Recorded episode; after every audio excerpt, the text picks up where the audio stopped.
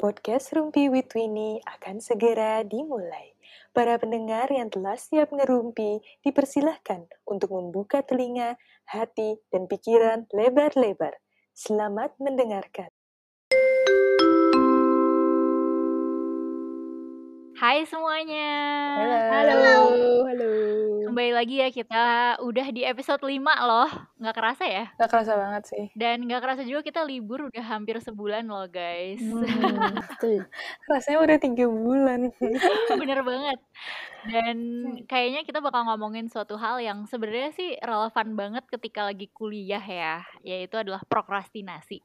Cuman nggak tahu kenapa kalau gue kok udah liburan pun Mhm. rasanya tetap prokrastinasi ya. Padahal kayak tugasnya tugas-tugas yang nggak penting gitu loh, tapi tetap aja diprokrasin gitu. Sudah mendarah daging. Bener banget kayak ya udah emang udah mendarah daging aja gitu. Cuci piring ya ntar. Bangun tidur nanti aja. Bangun tidur sih kayak ya udahlah kan bisa nanti lagi ya Ah, gitu. ah. Fioji cannot relate sih kayaknya ya. Tapi coba hari ini kita mau ngomongin tentang kecenderungan menunda pekerjaan ini atau penyelesaian suatu tugas atau ya aktivitas apa pun sih kayak tadi kata Fiosi bangun Mhm. tidur dan kita bakal ngebahas ini karena kita semua sepertinya pernah ngerasain. Gue tetap yakin sih Fioji pernah ngerasain gitu ya. Mungkin sekali setahun kali ya. Pernah dia. pernah pernah pernah. Dan eh, di situasi COVID kayak gini nggak tahu kenapa prokrastinasi tuh rasanya kayak lebih bersalah sih kalau buat gue ya. Jadi ada baiknya kayaknya kita membahas kalau misalnya kalian pada prokras kayak gimana, terus ngatasinnya kayak gimana, dan mungkin kayak penyebab kita bisa prokrastinasi sampai ngerasa bersalah dan kayak berlarut-larut gitu tuh kenapa sih gitu. Dan sekarang mungkin gue pengen nanya sih sama kalian ya. Kalau menurut kalian, kenapa sih emang orang tuh bisa prokrastinasi? Macem-macem sih. Ya sebenarnya alasannya tuh eh, mulai dari mungkin dari si tugasnya itu yang kayak terlalu apa ya membebani secara mental dan fisik kali ya sampai kayak nggak nggak gue nggak mau ngerjain ini sampai akhirnya aduh udah di ujung deadline-nya nih akhirnya baru dikerjain gitu. Jadi kayak ya dia pun akhirnya mungkin ngerjain seadanya kali ya atau mungkin justru dia nyari ide gitu. Wah gue harus cari inspirasi dulu nih. Jadi nggak bisa langsung dikerjain sekarang. Bisa aja sih kayak gitu. Jadi uh, progress bisa something good bisa something bad juga sebetulnya. Yes, bener banget, bener banget. Dan kayaknya kadang-kadang gue nggak tahu sih ya itu excuse atau bukan. Tapi kadang-kadang emang rasanya pas menjelang deadline tuh kayak ide-idenya kayak lebih bagus gitu ya, lebih jelas gitu. Cuma I don't know sih. Kalau kalau yang lain gimana menurut kalian? Setuju banget sih kan makanya kenapa dulu kayak kita sering banget tuh kayak kejar satu malam gak sih? Apa sih bahasanya dulu tuh yang kayak kalau udah hamin satu SKS SKS. SKS kan. SKS, SKS. Kayak sistem kejar satu malam Wah itu sih udah bener-bener relate banget tuh sama kehidupan SMP SMA gue kayaknya dari dulu.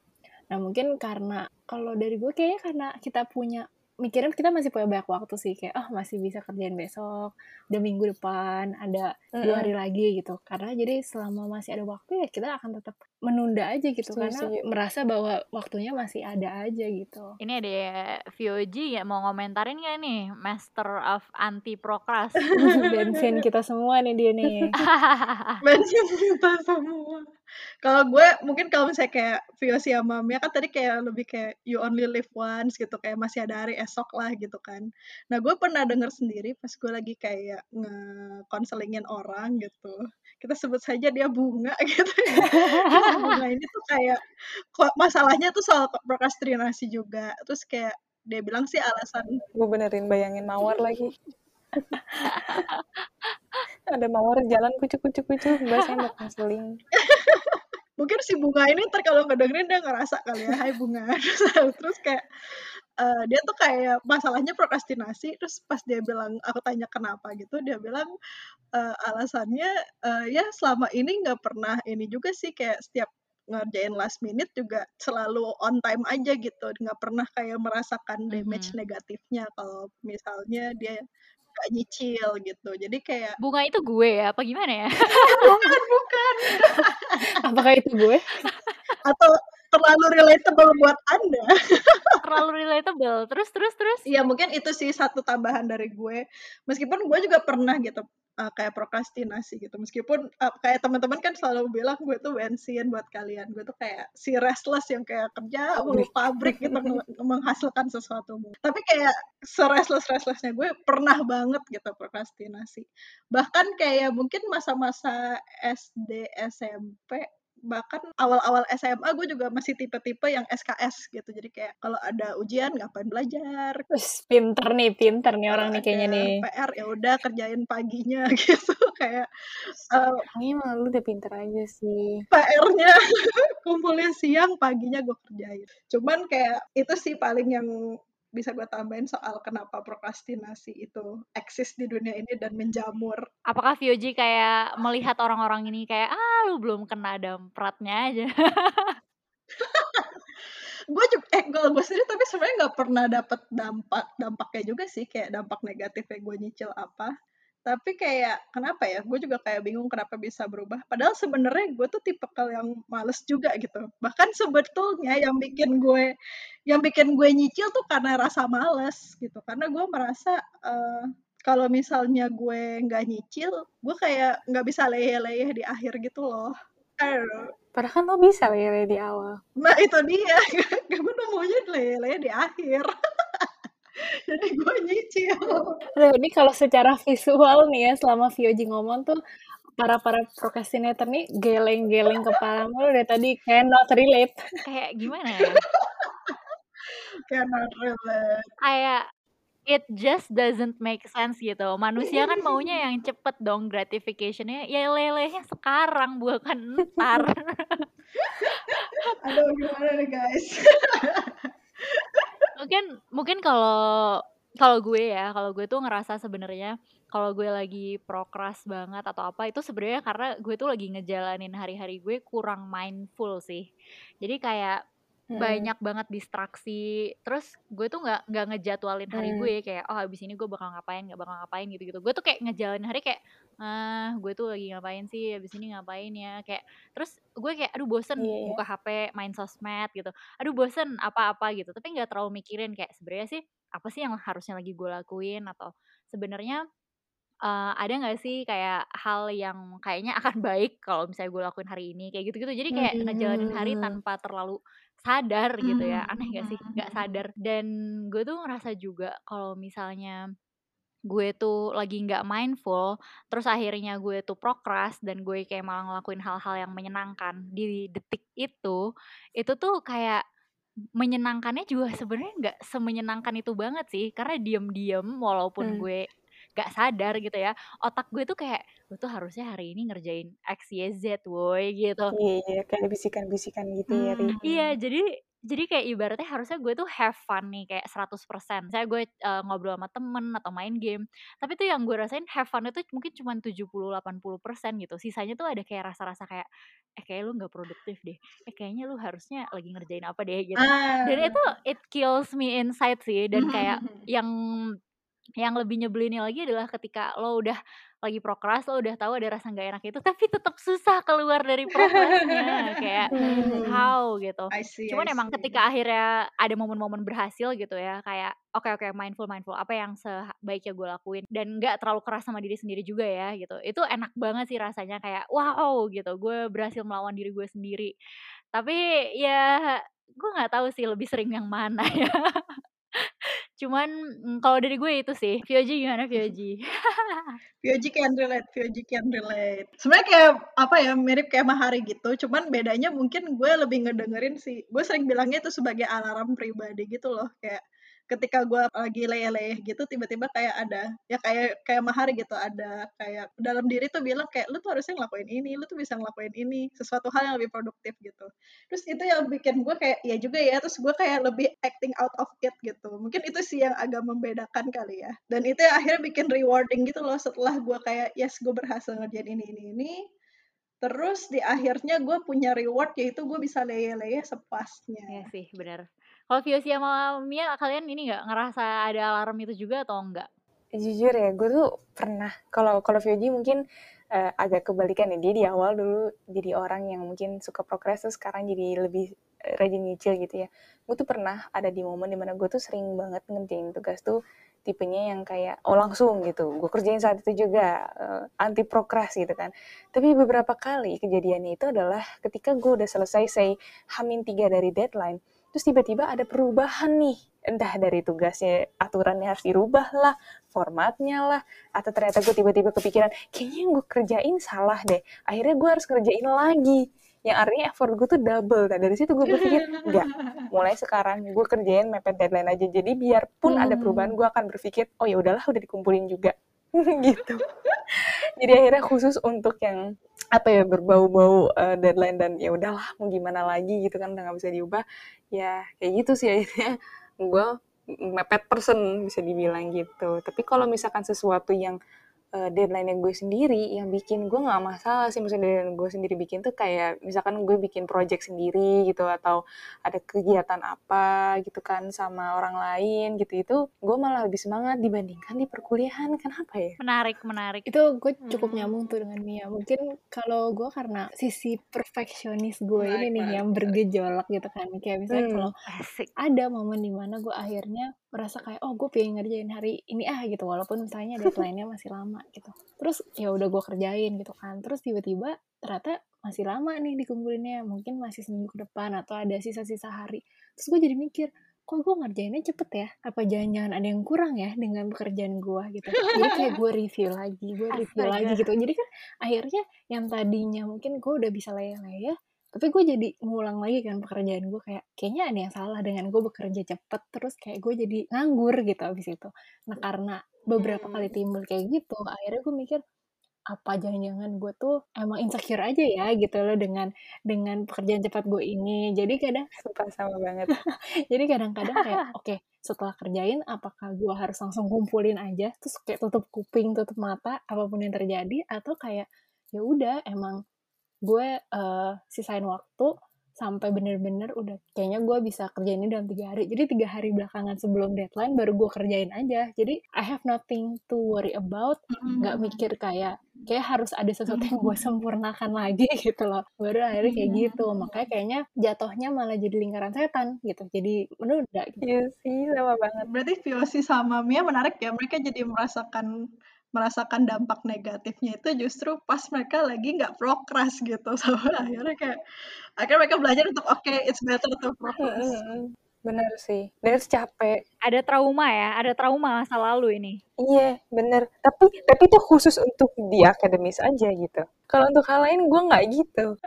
Tapi emang yang menarik adalah ternyata kita semua masing-masing punya inner voice yang sebenarnya mirip-mirip ya gitu kan tapi ternyata manifestasinya nih keluarnya dalam bentuk perilakunya yang ternyata berbeda mm -hmm. gitu masing-masing yeah, yeah. dan kayak kelihatan gitu loh kalau sebenarnya ini semua tuh apa ya habits kita untuk prokras ataupun enggak prokras itu tuh proses pembelajaran gitu kalau gue dan Vioji mungkin ada proses pembelajaran yang oh enak banget nih ternyata ketika nggak prokras gitu tapi gue juga ada sih sisi yang kayak Mia dan Viosi yang kayak gue udah ambis-ambis nih gue kerjain duluan tiba-tiba ada perubahan kayak bete kan jadi ya udah kalau gitu gue nggak usah awal-awal atau Viosi kayak mau hmm. menghindari kecemasan yang muncul itu kalau dia selesai duluan gitu kan jadi emang menarik sih gitu. Mungkin kalau kalau ada satu hal yang gue boleh tambahin karena karena gue seorang pleaser gitu ya.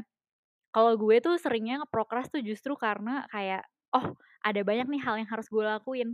Nah gue tuh mengutamakan hal-hal yang untuk orang lain dulu gitu. Ada deadline dari orang lain atau ada tuntutan dari orang lain gitu. Dan akhirnya gue kayak kewalahan gitu. Terus kayak astaga astaga gue harus ngerjain punya gue. Nah jadi ngerjain punya gue tuh pas udah mepet sama deadline aja. Which deadline-nya juga dikasih sama orang lain kan deadline tugas gitu. Nah itulah alasan kenapa Mahari kalau ngerjain sesuatu untuk diri sendiri justru jadi lama banget. Tapi kalau untuk orang lain malah jadi prioritas gitu. Ada pressure tambahan ya Ri ya kalau deadline dari orang. Jadi kayak bahkan dulu pas gue skripsian gue tuh bilang ke pembimbing gue kayak mbak um, boleh nggak ya kita misalnya bimbingan setiap minggu atau boleh nggak ya kita tuh kayak uh, aku check in sama Mbak setiap hari supaya aku tuh ada pressure Mbak untuk ngabarin orang lain gitu. Terus dia kayak oh ya boleh boleh. Bagus sih itu caranya. iya. Jadi emang menarik ya kayak kelihatan juga sih dari apa ya kecenderungan kita masing-masing gitu. Cuma sekarang gue pengen nanya sih sama kalian, dengan semua kecenderungan kita yang berbeda-beda tapi sedikit sama, tapi sedikit berbeda ini, gimana sih cara kalian biasanya ngatasin prokras kalian? Mungkin dari mindset kali ya. Ini kalau Vio aja nggak usah ditanya lah ya, dia emang The master of mindset. Mhm. Apa coba? Pabrik, dia emang pabrik. Emang udah pabrik aja dia mau udah nggak akan progres. Kalau dari gue mungkin ke ke ke mindset kali ya, karena eh, Mhm. terutama kalau misalnya gue berpikir kalau tugas ini sesuatu yang mungkin berat dengan deadline yang mungkin eh, relatif nggak terlalu banyak waktu gitu untuk gue kerjain itu. Jadi dengan gue berpikir ini kayaknya bakal susah untuk gue kerjain dan gue kayaknya nggak akan bisa ngerjain ini dalam waktu yang cepat. Kayak gue butuh beberapa hari untuk ngerjain ini. Ini kayaknya better gue kerjain dari sekarang deh. Daripada nanti gue kayak terus tahu-tahu kayak deadline udah eh, udah datang dan gue belum selesai ngerjain gitu kan. Jadi kayak gue buru-buru sendiri, panik sendiri dan hasilnya juga jadi nggak optimal. Jadi eh, apa ya selama gue berpikir itu tugas yang susah, gue akan ngerjain sedari dini gitu. Tapi kalau gue berpikir ini alah gitu, kayak ah masih bisa gitu. Ini ada kecenderungan untuk gue akhirnya mungkin menunda si pekerjaan tersebut gitu. Jadi eh, mungkin gue mau apa ya put mindset gitu, put in mind bahwa oh ini tugas yang berat untuk dikerjain dalam waktu yang singkat. Jadi gue butuh banyak waktu at least misalkan dua hari atau tiga hari sebelum deadline tuh udah gue mulai kerjain nih jangan jangan cuman hamin berapa jam baru gue kerjain ibaratnya kayak gitu Hmm, menarik menarik. Kalau gue mungkin ya kan gue bilang tadi pas gue SD, SMP tuh gue sering cenderung yang prokras gitu ya. Terus kayak setelah gue pikir-pikir ya kenapa gue bisa jadi pribadi yang kayak jadi pabrik banget gitu ya kayak ngerjain sesuatu semuanya kayak tiba-tiba udah kelar gitu. Mungkin berawal dari pas gue SMA tuh kan gue udah mulai tinggal mandiri, terus gue kayak mulai merasa kayaknya gue bisa nih mulai planning-planning masa depan gue, terus gue kayak bikin jadi senang bikin perencanaan, bikin kayak hari ini gue mau ngapain aja, terus kayak goal apa sih yang pengen gue capai gitu, kayak contoh misalnya gue dapet tugas gitu, kayak mis di kuliah ini ya, misalnya kuliah gue dapet tugas, terus gue punya goal gitu, misalnya gue pengen tanggal segini tugas itu udah selesai gitu, supaya di tanggal-tanggal berikutnya whether gue ngerjain tugas lain atau gue leyeh-leyeh itu tadi gitu. Jadi kayak gue langsung kayak karena gue udah punya goal itu gue langsung kayak oke besok ngerjain ini besok ngerjain ini besok ngerjain ini. Jadi itu bener-bener hari produktif kayak hari-hari biasa kecuali weekend gue bener-bener apa ya produktif akhirnya jadi kayak ngerjain sesuatu. Kalau gue nggak ngerjain sesuatu tuh gue jadi mikir kayak gue terlalu santai deh kayak gue nggak ngapa-ngapain jadi bosen gitu. Ah gue kerjain sesuatu ah gitu yang bisa menghasilkan. Gitu sih. Mungkin awalnya dari bikin strategi itu ya kayaknya ya. Definisi pabrik yang sebenarnya ya gitu ya. Kalau misalnya gue apa ya? Kayaknya gue tuh buat ngatasin prokras sebenarnya tadi kan faktor-faktor yang menyebabkan prokras ada beberapa ya. Salah satunya adalah kalau kita tuh belum tahu sebenarnya tugasnya tuh ngapain, tugasnya tuh berapa halaman, tugasnya tuh kira-kira butuh waktu berapa banyak gitu. Nah, biasanya kalau gue overwhelm, gue tuh kayak menunda-nunda terus kayak karena nggak enak nih buat mikirin sesuatu yang overwhelming gitu kan. Jadi biasanya gue maksain diri dulu sih di awal kayak oke breakdown dulu deh breakdown tugasnya tuh sebenarnya ngapain aja sih gitu. Ibaratnya skripsi kayak nggak langsung ngerjain skripsi gitu kan, tapi kayak oh ya ada bab satu, ada bab dua, ada bab tiga. Kalau mau ngerjain bab satu ada cari literatur dulu kayak gitu-gitu. Biasanya gue breakdown dulu, terus gue tuh membuat perkiraan nih gitu kayak perkiraan ini kira-kira butuh ngerjainnya berapa lama. Terus habis itu eh, terakhir banget gue kerjain ini kapan kayak gitu itu. Pokoknya breakdown dulu. Biasanya pas gue breakdown ini, gue tuh masih terlalu optimis kayak ah ini mah gue bisa selesai dalam berapa hari gitu-gitulah Hmm, gitu. Cuman iya bener-bener bener. Cuman pas gue tapi dan itu sebenarnya rasa optimis itu ngebikin gue semangat dan kayak berani sih buat ngelawan rasa Iya. prokrasnya. Ya udah akhirnya gue coba dulu kan. Oh ya gue mulai dari langkah pertama nih gitu. Pas gue udah punya langkah pertama, wow, kok nggak segampang yang gue bayangkan ya gitu kan. gue pernah banget tuh kayak gitu Terus gue kayak, hmm, oke. Nah biasanya kalau gue udah mulai agak-agak bukan panik ya, cuma kayak kok nggak segampang itu ya. Udah kayak mulai-mulai ada pikiran-pikiran kayak gitu, gue lebih ke kayak oke kayaknya gue mau membiarkan ini mengendap dulu sih kayak ide-idenya, terus kayak apa yang harus gue lakuin dan lain-lain. Dan gue kasih deadline baru. Jadi yang tadinya misalnya gue udah buat oke besok harus selesai ini, gue buat oke dua hari lagi gitu. Jadi kayak menunda juga, cuman menundanya secara sistematis ngerti gak sih? Memprokrastinasi dengan prokrastinasi. Iya. Nah, terus ketika gue udah apa ya, kayak membiarkan diri gue kayak oh ya udah eh, lo apa ya kayak mengendapkan dulu ntar biasanya suka datang ide-ide ketika lo lagi nggak stres gitu kan. Nah biasanya pas gue ngelakuin itu gue lagi main, gue lagi apa, tiba-tiba bisa kepikiran ide yang oh iya ya itu bisa jadi ide bagus tuh gitu buat tugas gue misalnya. Nah ya udah akhirnya gue jadi selama dua hari gue sengaja untuk prokras itu gue nggak ngerasa bersalah, tapi ide bagus juga muncul karena gue udah tahu tugasnya ngapain gitu. Nah akhirnya ya udah deh di hari yang gue harus ngerjain itu gue jadi bisa mengerjakan dengan lancar. Dan kayaknya teman-teman pasti pernah ngerasain ya kalau kita ngerjain sesuatu tapi kita belum ada ide, sama kita ngerjain sesuatu udah ada ide, itu tuh kayak efisien banget gitu loh pas udah ada ide. Kayak bisa ngerjain sesuatu yang dua hari bisa jadi dua jam. Bener-bener gitu. ngalir. Jadi gue sejauh ini ngerasa itu sih proses gue menghadapi prokrastinasi. Kayak uh, di satu sisi membuat jadi terstruktur dan sistematis, tapi di sisi lain membiarkan diri gue untuk santai dan gak terlalu keras sama diri sendiri. Kalau kalian gimana nih kalian? nih Vio sih belum nih. Kayak lebih ke proses itu setelah ada pengalaman beberapa kali gue melakukan itu tuh lebih ke nimbang-nimbang sih. Biasanya gue mm -hmm. put pressure on myself itu kayak um, konsekuensinya apa sih gitu loh kan pasti kan ketika kita punya suatu tanggung jawab berarti kan kayak ada sesuatu yang memang kita harus selesaikan kalau nggak selesaikan pasti ada sesuatu yang bakal jadi konsekuensinya gitu nah biasanya hal itu tuh yang membantu gue untuk menggerakkan si mesin yang udah lumayan suka mogok-mogok ini gitu kayak gue akan mikir kayak oke okay, sebenarnya esensinya gue mengerjakan ini apa ya? Gitu. Kalau gue sampai misalnya nggak mengerjakan ini atau gue tuh nanti nunda-nunda sampai detik darah penghabisan di akhir-akhir nih kira-kira gue akan merasa apa? Apakah si perfeksionis ini akan tidak mendapatkan nilai yang bagus dan sempurna gitu misalnya? Atau misalnya jadi ada yang ketinggalan atau apa pun gitu. Jadi nah hal-hal itu yang gue list akhirnya kayak oh iya ya ternyata banyak loh hal negatif yang bisa muncul ketika gue melakukan itu. Nah, terus gue akan nimbang-nimbang kira-kira lebih worth it mana nih gitu. Apakah gue um, merasakan si banyak hal negatif itu ketika gue mengiyakan prokrastinasi gue atau kayaknya gue pingin kabur aja gitu gue nggak mau ngerasain konsekuensi konsekuensi buruknya jadinya gue mulai nyicil nah biasanya kalau udah di tahap kayak gitu dan tahu nih kayaknya gue lebih nggak mau deh mendapatkan konsekuensi yang lebih besar gitu.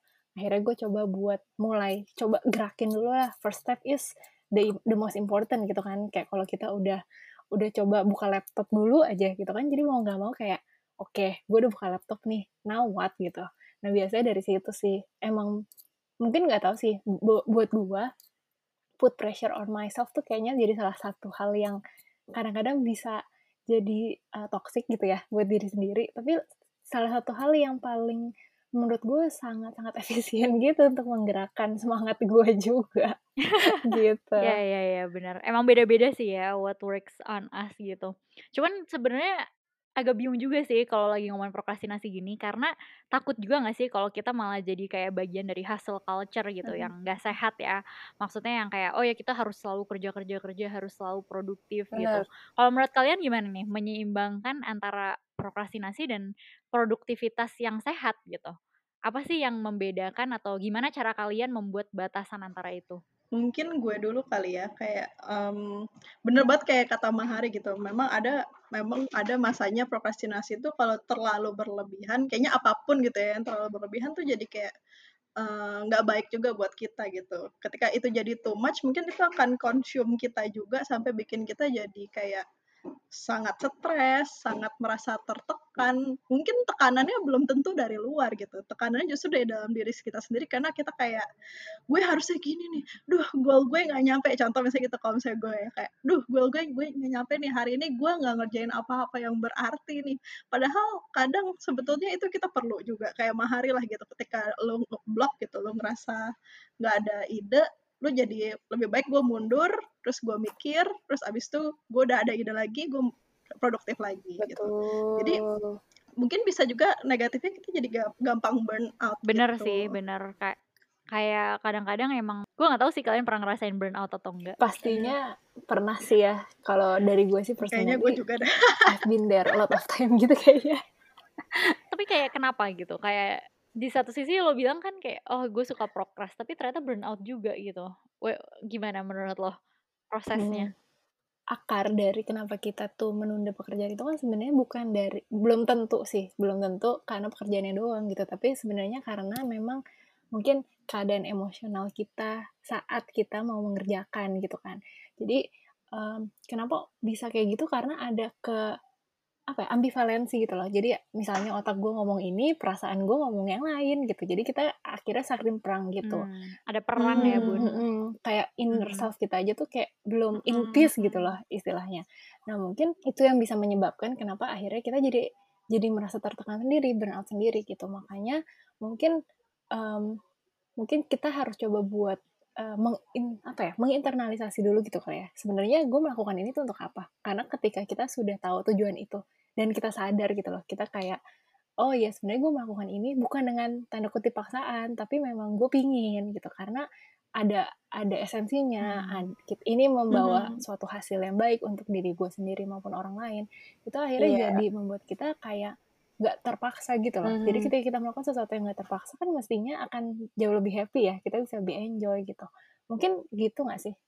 Tuh kalau menurut gue sih personally seperti mm -hmm. itu. Kok gue setuju sih tadi dari strateginya uh, Mahari kan ada yang akhirnya apa namanya main dulu beberapa hari terus akhirnya dapat inspirasi dari situ kan sebenarnya it's okay untuk kita step back dulu tarik nafas dulu untuk ambil apa ya cari uh, udara segar lah gitu untuk kita bisa terrefresh kan dulu mungkin kita udah terlalu jenuh juga gitu kan sama uh, segala kesibukan dan it's okay untuk kita uh, tarik napas dulu untuk rehat sejenak. Tapi abis itu uh, promise to ourselves abis ini kita akan jalan lagi untuk produktif lagi. Kayak gitu sih mungkin. Dan nggak apa-apa sebetulnya untuk uh, kita ada waktu di mana kita nggak produktif. Nggak nggak produktif itu bukan suatu kesalahan besar dan akhirnya mendefine kalau lu orangnya nggak uh, bisa berkontribusi apa-apa kepada bangsa dan negara ibaratnya nggak kayak gitu juga kok.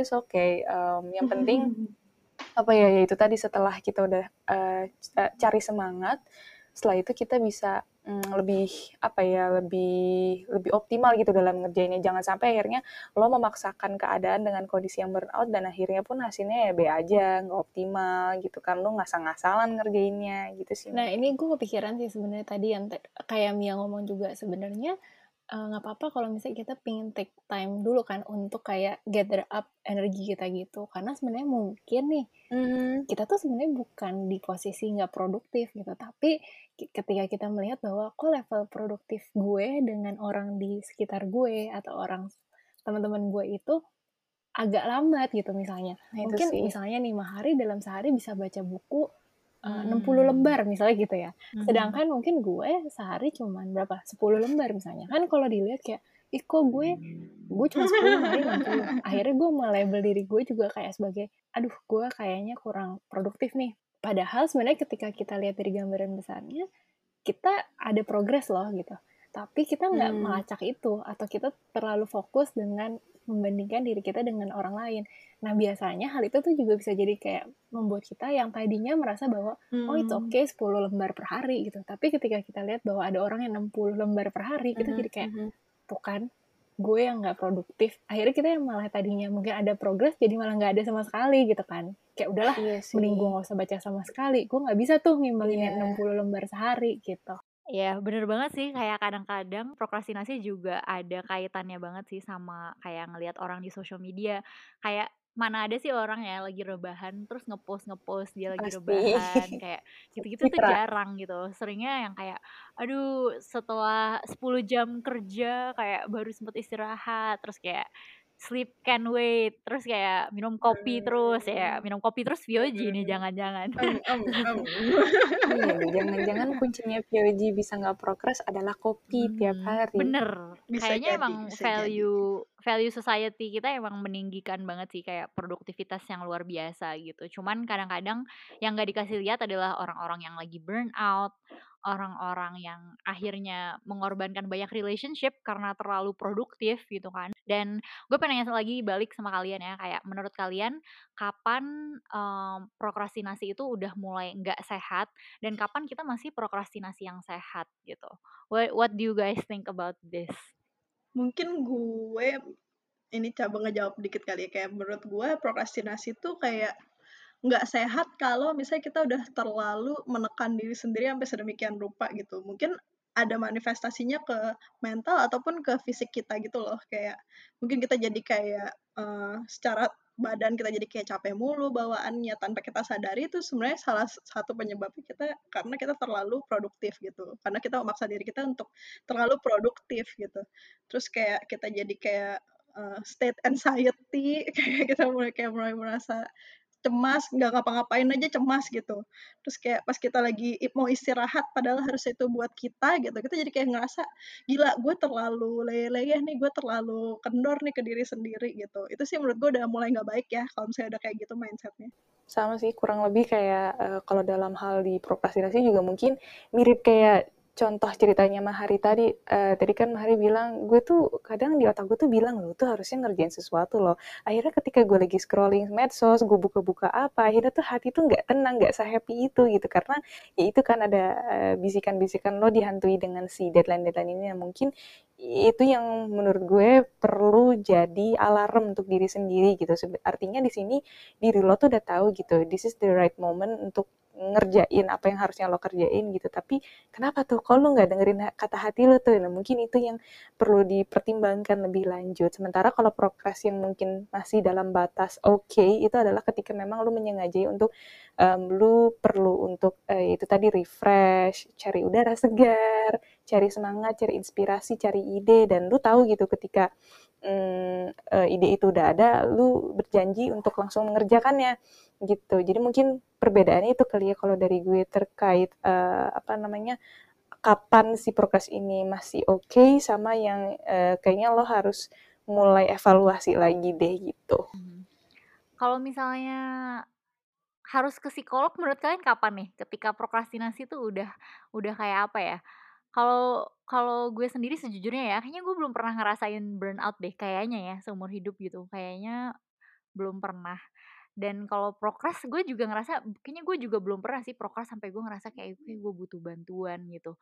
Nah ini gue nggak sebenarnya nggak terlalu kebayang orang yang kalau prokrastinasi udah sampai kronis banget gitu ya parah banget ataupun produktif sampai burnout banget gitu. Nah itu kalian ada nggak sih gambaran kira-kira kayak gimana? gue pernah banget ada pengalaman uh, terkait uh, apa namanya prokres yang sampai malah gue sendiri yang burn out. Waktu itu gue gue lupa sih exactnya ada tugas apa tapi intinya adalah dari si keadaan itu gue tuh nggak tahu apa yang harus gue lakukan dengan si tugas ini gitu. Bukan kayak gue nggak nyari tahu tapi gue udah nyari tahu cuman emang informasinya nggak ada yang jelas aja gitu. Karena informasinya nggak ada yang jelas simpang siur nggak ada kepastian dan kejelasan untuk diri gue sendiri akhirnya pun gue jadi uh, tersendat-sendat untuk mengerjakannya gitu jadi terhambat gitu. Terhambat pun eh, nggak dalam artian cuma untuk mengerjakannya tapi mentally juga ada hambatan gitu. Gue ngerasa kayak ini apa sih yang gue kerjain? Bener gak sih yang gue kerjain? Gitu. Gue jadi mempertanyakan diri gue sendiri balik gitu loh karena gue nggak paham dengan si tugas ini gitu. Akhirnya ya gue stres sendiri gitu. Dan uh, pada saat itu juga seingat gue bukan cuma gue sendiri yang kebingungan atas si tugas tersebut tapi orang lain juga demikian gitu. Dan itulah yang akhirnya apa yang membuat si uh, progres ini juga memunculkan burnout itu tadi? Kalau misalnya tadi si Vioji itu anggaplah bunga gitu ya, gue pakai nama Melati deh gitu. Nah jadi pernah nih adalah ada kasus di mana si Melati ini datang dengan ya itu masalah yang tadi bilang sam akhirnya dia bertemu dengan dengan seorang yang lebih profesional gitu ya untuk uh, consult ini loh gue tuh prokas banget dan ketika ketika kita tanya emang seberapa itu mengganggu sih gitu. Ternyata dia sampai delay kuliahnya sampai dua sampai dua setengah tahun gitu. Habis itu dan dia nggak bisa mengerjakan apa yang menjadi kewajiban dia. Kan kalau misalnya kuliah mungkin skripsi gitu ya.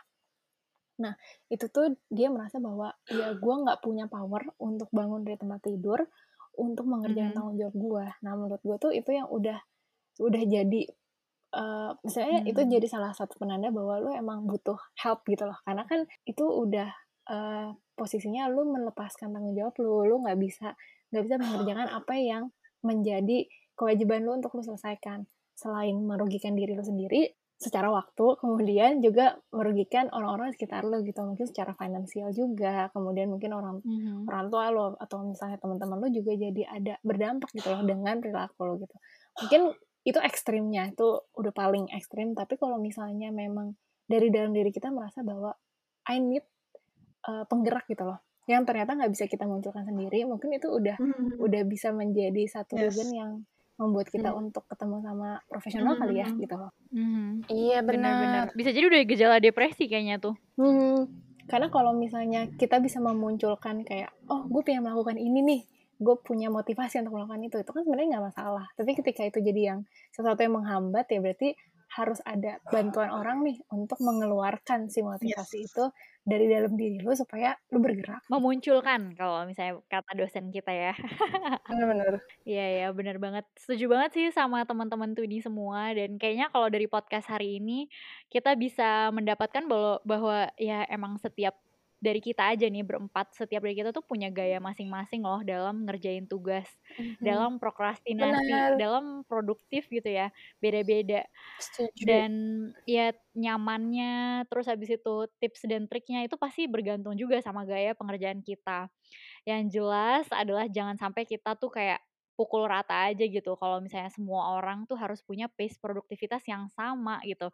Yang kita lihat di social media atau misalnya kita semua ngeliat Vioji kayak kok bisa sih dia nggak pernah prokras gitu. Terus kita kayak minder gitu kayak jangan gitu ya dijadiin bensin aja.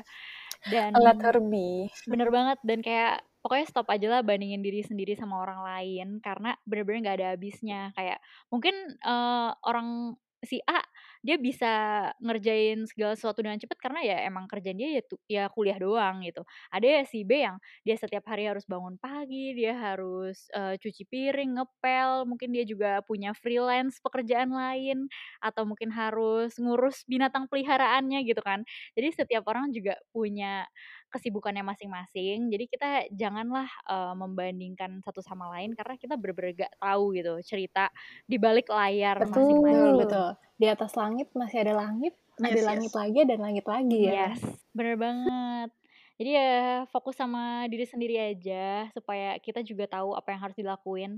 Dan kalau yang tadi gue dapetin banget tuh ya emang harus mindful sih sama kita sekarang lagi ngerasain apa, kita yang kita butuhin apa, dan kayak tadi VOC ulang berkali-kali kita tuh apa sih emang alasan kita mau ngelakuin sesuatu gitu. Kita harus tahu dan konsekuensi negatif ataupun positifnya tuh apa. Dan yang pengen gue highlight sekali lagi adalah apa ya diri kita sekarang, kebiasaan-kebiasaan yang kita punya semua tuh proses pembelajaran. Jadi kita masih bisa kalau belajar untuk mengubah kebiasaan kita yang kurang baik dan eh, kita juga bisa sadar kalau kita nggak harus misalnya prokrastinasi melulu kok gitu karena eh, itu adalah proses pembelajaran dari yang dulu. Apakah itu efektif atau tidak, efisien atau tidak, itu biar kita sendiri yang Betul nilai. banget, Ri. Yes, ingat kita harus tetap bertanggung jawab, tetap produktif, tapi tetap sehat mental juga ya teman-teman. Apalagi di Yeah, masa-masa kayak betul. gini. Work life balance guys. Yes. Oke, kalau gitu kayaknya segitu aja deh buat podcast hari ini. Ayo kita dadah-dadah dulu, Finis. Bye. Dadah. Thank you guys. Bye. Gimana gimana? Udah panas belum kupingnya? Jangan lupa buat dengerin episode-episode kita yang lainnya ya, biar makin mendarah daging hobi ngerumpinya. Sampai jumpa di Rumpi with Winnie yang selanjutnya. Dadah!